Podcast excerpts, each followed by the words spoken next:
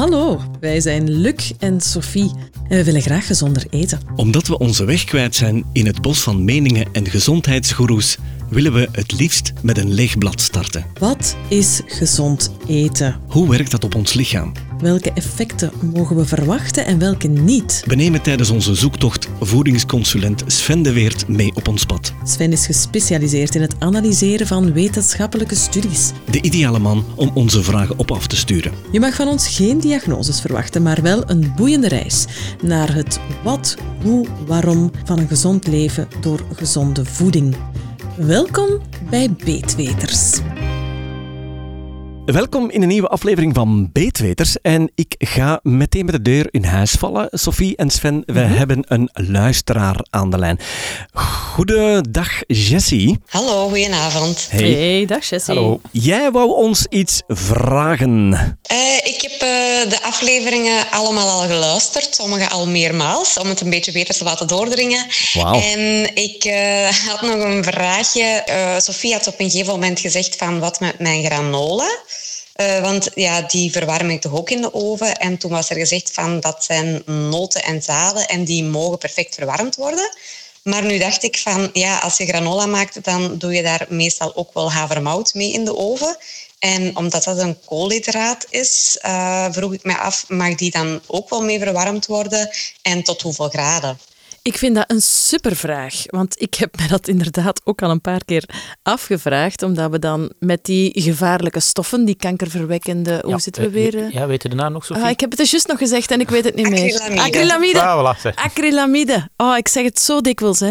Ehm, ja, dus Jessie, ik deel helemaal jouw vraag en ik ga ze met heel veel plezier de hete aardappel doorsluizen naar eh, Sven, die hier eh, in mijn vizier zit. dus Sven, dus. help ons, want wij zijn fan van homemade granola, maar we willen wegblijven van de acrylamide. Wel, zoals, zoals jullie zeggen, in ehm, havermout, als we granola gaan maken, niet alleen van de noten en de zaden, eh, maar als we daar ook bijvoorbeeld havermout gaan bijdoen, of speltvlokken of andere vlokken, dan bestaan die inderdaad uit koolhydraten. En zoals we weten, eh, wanneer we koolhydraten te hard gaan verwarmen, kunnen daar eh, bepaalde stoffen, dus die acrylamide, gaan ontstaan.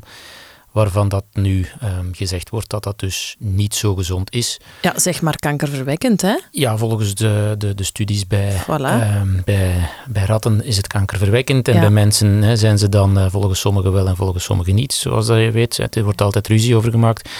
Maar dus in grote hoeveelheden ben ik geen grote fan eh, van zo'n zaken.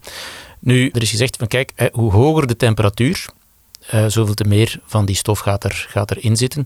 Dus als je de granola kan in de oven gaan verwarmen op minder hoge temperatuur, dan is dat altijd al een stukje beter. En wat we ook gezegd hebben, van kijk, goed, die stoffen ontstaan wel, maar ons lichaam heeft ook nog wel mechanismen om eh, met bepaalde zaken om te gaan. We hebben ons- ook nog onze antioxidanten en onze andere stoffen. En in granola zitten dus ook noten, zaden, pitten, ehm, die dat eh, boordevol met gezonde zaken zitten. Dus het heeft elkaar wat op, of hoe moeten we dat interpreteren? Eh, wel, ik denk dat als je granola 's ochtends gaat eten, dan is dat gewoon ook nog altijd een gezonder ontbijt dan onze boterham met choco. Mhm.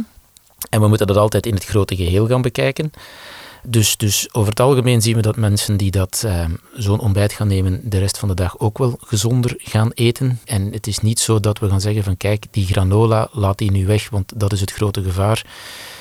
Ik denk dat het dus, zoals met alles, past in gezonde levensstijl en alles met mate. Hoe, hoe, is jouw levensstijl, eh, Jessie? Hoe, hoe, hoe omschrijf jij dat zelf? Ja, ik denk wel heel gezond. En als jij jouw granola maakt, vertel eens, wat, wat, wat gooi jij bij elkaar? En hoe lang zet je het dan op hoeveel graden in de oven? Het is al een tijdje geleden eigenlijk dat ik granola heb gemaakt, want ik eet meestal gewoon ehm havermoutpap. Eh, maar als ik ze maakte, eh, dan deed ik daar wat havermout in, wat noten, ehm, iets van ahornsiroop of zo, ah, zaden. En ik denk eh, een twintigtal minuutjes op 180 graden, als ik me niet vergis. Maar dat is misschien al iets te hoog dan. Eh, ja, dus vanaf dat eh, we naar zo'n hoge temperaturen gaan, dan gaat dat koolhydraat dus eh, chemisch veranderen. En dan ontstaan er dus de stofjes zoals acrylamide. Wat is dan het beste? Iets, iets langer in de oven op een lagere temperatuur of korter aan een hogere temperatuur? Of is daar geen verschil tussen? Goh, dat, dat, dat is een moeilijke. Ehm, Ja. Het hangt ervan af van hoeveel langer het dan in de oven staat en aan welke temperatuur. Dus als bij havermout, hè, ik hoor zeggen dat er, dat er havermoutpap en zo gegeten Mhm. wordt. Dus bij het koken, dan zitten we maar on- aan 100 graden. Dan krijgen we die stoffen niet. En van het moment dat we gaan bakken, eh, en zeker in de oven, hoe hoger die temperatuur, hoe meer van die stoffen. En natuurlijk ook hoe langer, hoe meer van die stoffen. En dan is het een beetje ja, ehm, afwegen van, van doe ik het korter op een hogere eh, temperatuur of doe ik het langer op een lagere temperatuur. Op een gegeven moment ga je toch eh, een beetje hetzelfde resultaat krijgen. Jessie, wat ik doe, hè, want ik ken eigenlijk heel weinig van temperaturen. Als ik niet een box heb om te volgen, dan zwier ik maar wat met die, met die knop en dan weet ik zelfs niet waar het, waar het belandt. Maar wat ik wel doe, is dat eh, regelmatig omroeren en niet te lang laten instaan. En dan heeft dat ook zo'n beetje die, ja, die, die ja, ge, Ja, en- gerookte smaak. Of hoe, Ja, ja, vooral, zo. vooral voor zorgen dat niks aanbrandt. Hè. Dus, want ik heb eh, Luc hier nog horen zeggen daar straks van, van dat zijn granola een beetje te lang en, en een Ja. beetje aangebrand was. En het is vooral bij het aanbranden dat het, eh, dat Ja. het ongezond wordt. Dat is de kanttekening die ik ook wou maken, want ik schrok een beetje toen Jessie zei 20 minuten op 180 graden. De laatste die ik maakte vorige week was 10 minuten op 180 graden en die was er voor mij net iets over. Dus ofwel ga ik de volgende keer naar 170 graden, ofwel ga ik naar 7, 8 minuten. Want als het te rokerig wordt, dan wordt het voor mij iets te veel. En de kanttekening die ik daarbij wou maken, Sven, dat is meteen ook een vraag. Als ik een brood snijd, dan is die korst is dat echt een verharde, Mhm. eh, crunchy of de, de, de, de krokante randjes van fritten. Dat is voor mij echt een harde materie. Maar ik heb niet dat gevoel bij die verwarmde havermout. Is daar een verschil tussen of prent ik mij dan nu in? Als het gewoon verwarmde havermout is, is iets anders dan bij granola. Is het, is het ook harder. Eh, gewoonlijk is de granola ook een Ja, dat stukje waar, harder. dat Wanneer dat de havermout gewoon gekookt is, wanneer het Ja. havermoutpap is, heb je dat dus niet. Oké. Dus hè, het is bij, bij granola is het echt gebakken. Hè. Ja. Jessie, ik eh, heb misschien nog een leuke tip. Ik doe er ook kokosolie bij. Drie à vier Ja, lepels. inderdaad, dat was Ja. ik vergeten. Ja. Ja. En Ja. Dan, dan maakt het voor mij helemaal af. Ik ben begonnen met kokos, kokosvet. Ja. Ja, kokosvet. Ja, en dan overgeschakeld naar, ik weet niet meer. Ik doe niks meer van vetstof erbij. 0,0. Oké. En het, het, het smaakt niet vreemd. Het is eh, perfect lekker. Sven, ik denk dat jij mij dat eens aangeraden hebt. Eh, dat weet ik, weet niet, het dat kan niet zijn. meer. Heeft dat een bepaalde impact, Sven, of helemaal niet eigenlijk? Wel of geen vet? Eh, wel, En die- toch? Dat die Eh, ja, dat, dat, dat is. Ja, dus de, de suiker die doen we er gewoonlijk op om, om zaken lekkerder te, te laten Dat smaken. hoeft niet, wil ik nu zeggen. Nee, dat hoeft, Ik dat doe dat hoeft ook dan niet. Nee, geen suiker. Ehm, en de vetstof, wanneer we gewoon in de oven gaan, hoeft dat eigenlijk ook niet echt. Want zoals jij bewijst, Sophie, het, het kan perfect ook zonder. Absoluut. Dus het, het mag met, hè. Dus eh, het is geen, geen enkel probleem, maar Ah, ik het dacht kan dat ook ik echt heel veel punten scoorde nu. Er gaan minder, er ik er gaan minder calorieën in zitten, maar dan, dan, ik bedoel, daar, d- dan moeten we teruggaan naar de vetten. Ja. Ja, ja, ja. Ehm, Dat is aflevering 3, een special van over vetten. Of aflevering 4.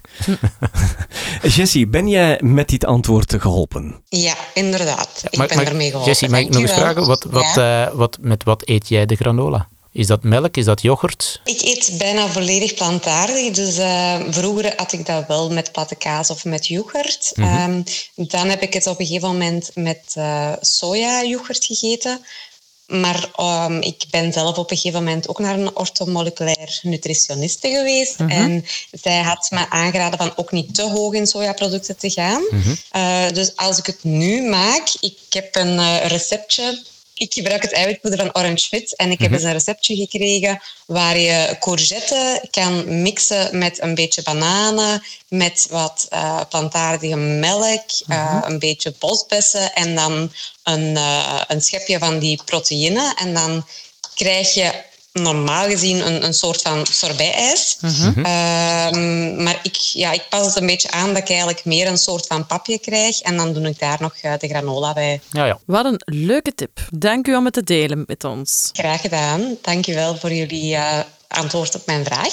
Dat is graag gedaan. We zouden liever willen dat er elke week luisteraars in onze uitzending zitten. Merci, Jessie. Tot de volgende, hè? Dag. Jessie.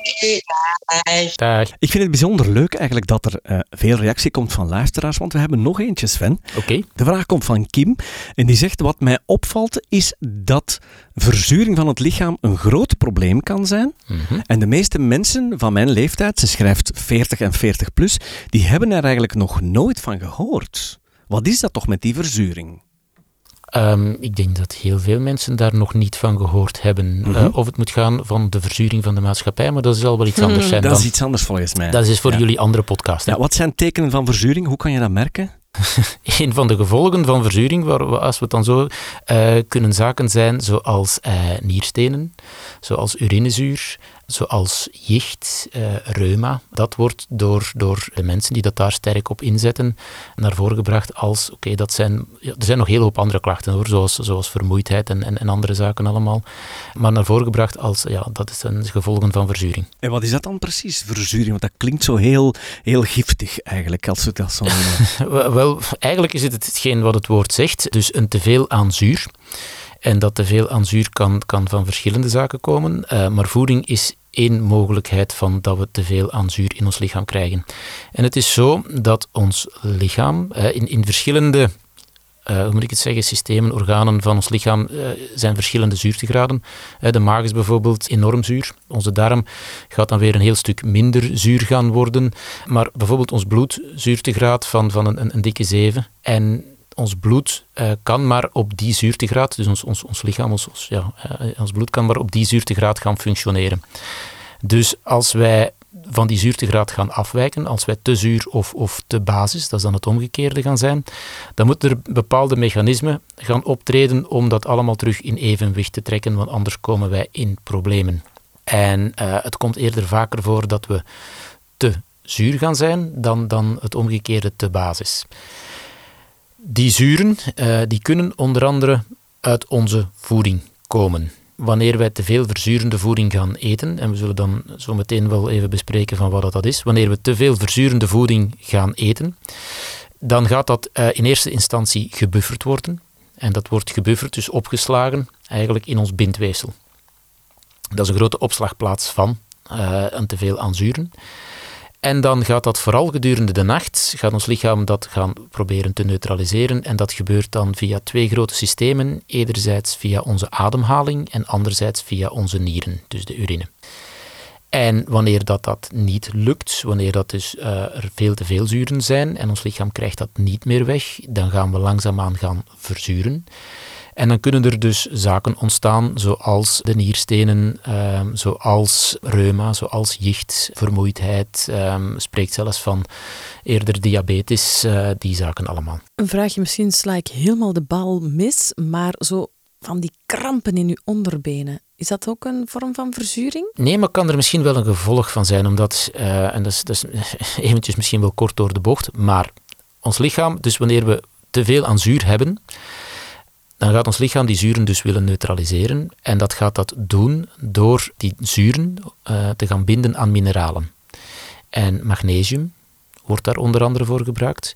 Eh, die zuren gaan gebonden worden aan magnesium om dan zo het lichaam te kunnen verlaten. En dan ga je dus, eh, hoe meer zuren dat je hebt, hoe meer magnesium dat je daarvoor gaat opofferen. En als je magnesium tekort hebt, dan kan je dus spierkrampen krijgen. Dus er zijn nog meerdere mogelijkheden voor, voor spierkrampen. Eh, maar dat is er eentje van. Bijvoorbeeld ook kalium en calcium. Hè, dus, dus osteoporose trouwens is ook een van de symptomen dat dan naar voren gebracht wordt. Waarom? Dus bij te veel aan zuren gaat er dus, dus die mineralen gebruikt worden om die zuren te neutraliseren. En dan wordt er onder andere eh, kalium, calcium uit de botten gehaald om het teveel aan zuren te neutraliseren. En dus krijg je eigenlijk eh, ja, dus botontkalking, osteoporose. Dus is het een kwestie om dat te ontdekken, enerzijds? Om dat te ontdekken, eh, ja, maar ook omdat eh, ontdekken is een beetje, ja, ik ga zeggen, een beetje moeilijker. Waarom? Ja, je gaat niet bij een arts langs gaan om te zeggen van kijk, test mij eens op, op verzuring. Eh, omdat Ja. de meeste artsen... Ben ik verzuurd? Eh, de meeste artsen daar ook niet gaan, gaan achter staan. Alhoewel dat er, dat er wel een, een professor uit het Leuvense is die dat, dat helemaal mooi beschreven heeft en zo. Maar de meeste artsen ja, staan daar niet achter, weten ook juist die symptomen niet eh, of de Voilà, gevolgen daarvan niet. ik, Dus, ja, dus ja. Het, het zit nog in de alternatieve hoek. Dus het is sowieso niet zo makkelijk om het te ontdekken, één. En ten tweede, dan moet je ook nog eens de voeding gaan aanpassen. En volgens mij zijn er zoveel voedingsstoffen die de verzuring zouden kunnen bevorderen. Ja, eigenlijk is het zo. Dus, dus er wordt, hè, om, om een neutrale zuurtegraad aan te houden in het lichaam, wordt er aanbevolen omdat 80% van onze voeding uit ontzurende voeding zou bestaan, dus basisvormende. En slechts 20% zou verzurend mogen zijn. En dat kan ons lichaam het. Want we gaan altijd, en, en die zuren zijn ook nodig voor onder andere energie, citroensiercyclus en zo van die zaken allemaal. Dus we hebben wel een be- bepaalde hoeveelheid zuren nodig. Eh, maar te veel is dus, ja, dat is nooit niet goed, te veel. Dus het moet in evenwicht blijven. Wat zijn dan verzurende stoffen? Dat is dan de grote vraag. De verzurende stoffen, wel onder andere eiwitten. Als we naar de aflevering eiwitten gaan Oei. kijken, dan weten we dat eiwitten eh, bestaan uit aminozuren. Klopt. Mhm. Ja, vet bestaat uit vetzuren. Dus een teveel aan eiwitten, een teveel aan vet, dus een teveel aan dierlijke producten gaat al verzurend werken. Maar ook zaken zoals de frisdranken, de geraffineerde koolhydraten, ehm, daar zijn lijsten van. Mhm. Er wordt getest op welke voedingsmiddelen dat verzurend en ontzurend zijn. Ehm, en dan wordt daar een score aangegeven. En dat wordt dan de, de PRAL-score genoemd. Ja, daar zijn lijsten van. Dan kan je dat gaan opzoeken en dan kan je zien, ah, dat voedingsmiddel is heel ontzurend, dat voedingsmiddel is heel verzurend, dat voedingsmiddel is eerder neutraal. Maar in grote lijnen eh, komt erop neer dat eigenlijk groenten en fruit ontzurend zijn, omdat die heel veel vitamines en mineralen bevatten. Dus de zaken waar heel veel vitamine en mineralen in zitten, die gaan ons ontzuren. En al de rest gaat eigenlijk verzuren.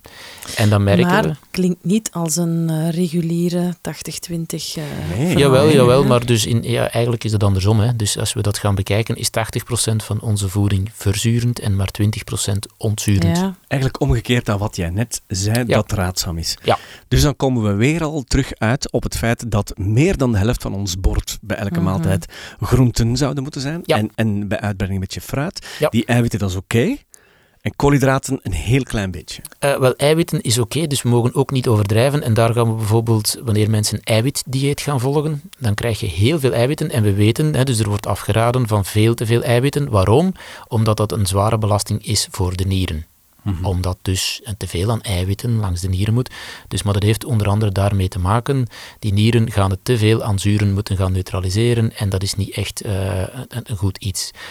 Het ketogene dieet, ja, wanneer we in ketose gaan, ga je ook enorm verzuren. Is dat waar? Ah. Ja, dus het ketogene Oh. dieet wordt, is, is momenteel heel, heel populair. Ja. En daarbij eh, volgt dan dat heel veel mensen die het ketogene dieet doen. Dus ja, zeggen we, ja, nu mogen we alles eten van vetten. Hè, want eigenlijk is dat een vetdieet, dus oh, eet maar vlees met de kilo en al van die zaken. Je gaat eigenlijk je lichaam verzuren. Dus er wordt aanbevolen, als je in ketose gaat, om extra mineralen, kalium, Ja. calcium, magnesium, zink, extra bij te nemen. Waarom? Omdat anders die gewoon uit jouw lichaam gehaald worden om die zuren te gaan neutraliseren. Maar die krijg je dan in de vorm van supplementen of zo? Die ga je dan in de vorm Ja. moeten nemen van supplementen. Maar je kan dus ook perfect een ketogeen dieet doen, waar je heel veel groenten gaat eten. Maar heel veel mensen ja, hè, storten zich op de kaas vooral. Mhm. En kaas is enorm verzurend. Ehm, dus, dus heel veel mensen gaan, gaan kaas gebruiken bij ketogene diëten, omdat dat een grote smaakmaker is. Maar een ketogeen dieet is een verzurend dieet. Stop toch allemaal met die diëten, denk ik dan. Hè? Waarom, waarom maken we het onszelf moeilijk? Hoe dikwijls hebben we de conclusie al moeten maken dat we een gewoon gebalanceerd, uitgebalanceerd voedingspatroon moeten aannemen? Maar als we daar naar zoeken, dan komen we toch altijd uit bij, dat, eh, bij die vele groenten. Ja. Zowel smiddags Groente, als avonds. en de rest met mate. Ja, ja. Klopt ja, ik, ik wil het ook wel alleen eten hoor. Hoeft per se niet met maten te zijn. Sorry, flauw grapje. Oh. Flauw grapje. Ja. Nee, maar het, het ketogene, dus je kan perfect ook in ketose gaan door gewoon eh, groenten en, en een beetje fruit. eh, vooral de bessen en zo, die zijn heel laag in koolhydraten en alles. Dus, dus door heel veel groenten te eten en daar een beetje eiwitten bij. En zoals gezegd, van, we hebben wel eiwitten nodig. Hè, en die gaan ons verzuren, maar we hebben ook die zuren en zo nodig. Maar die worden dan geneutraliseerd door al de vitamines en mineralen die dat in, dat, in, in die groenten zitten.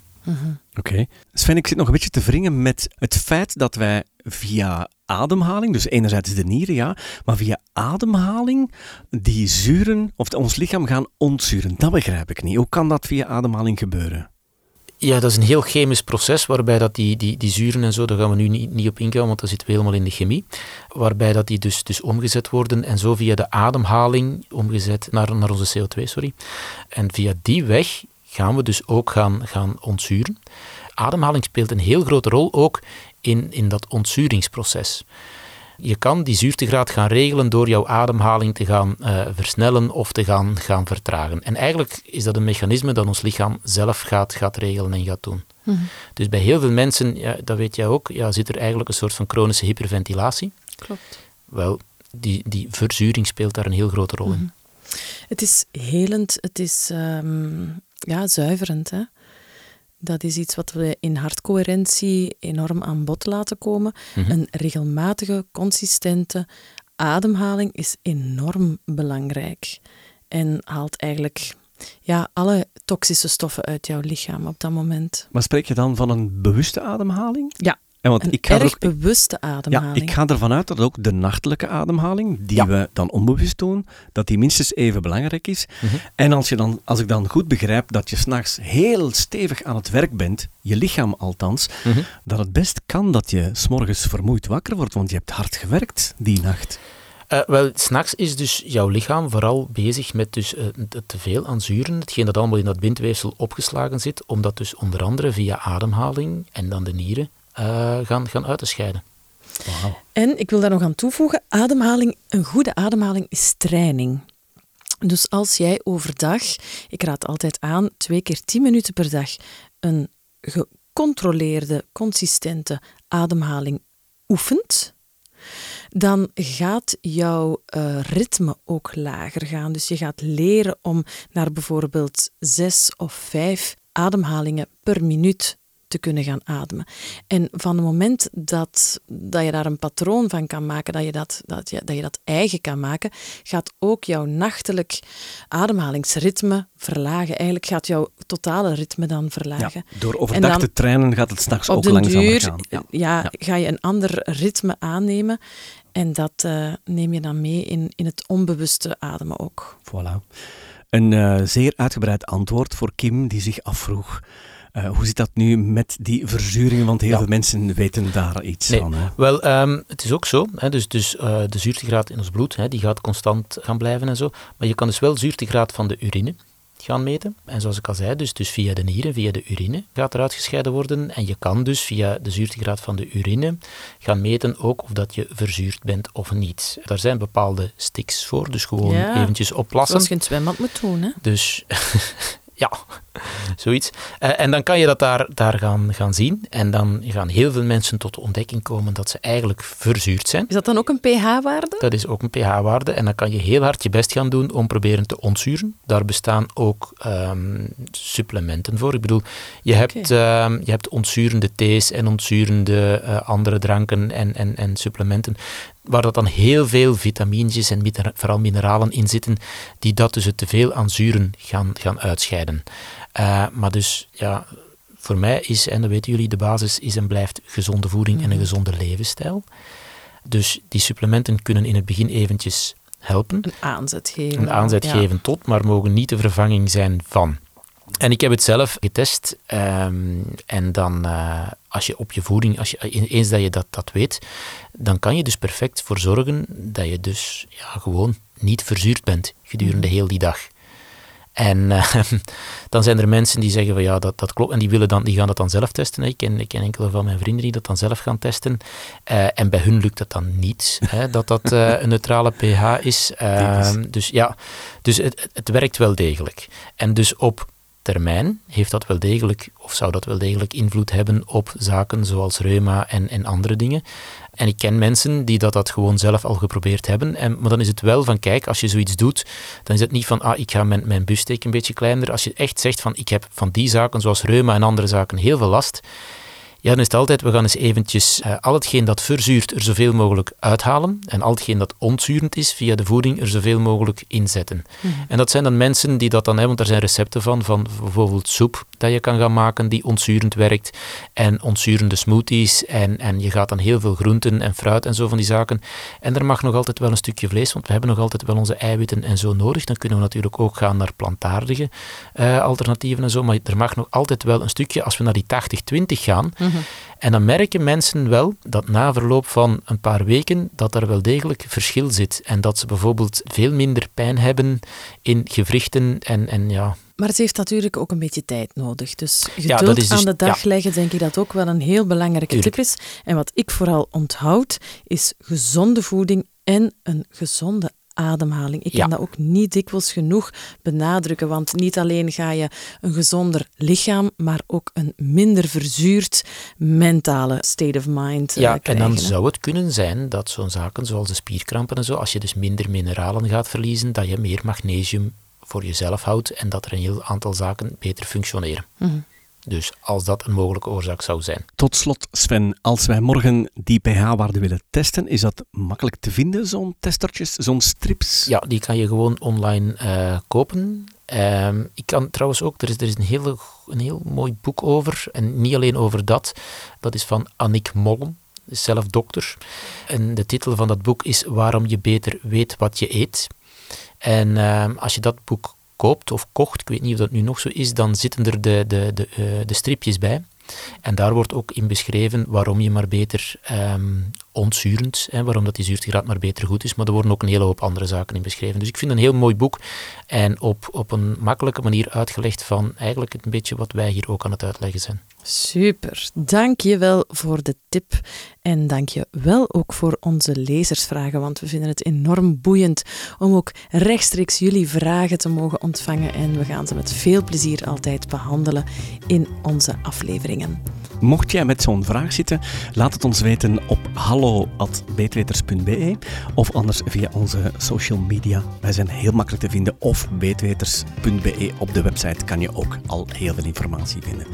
Bedankt luisteraars, bedankt Sven, bedankt Sophie. Tot de volgende keer. Tot de volgende.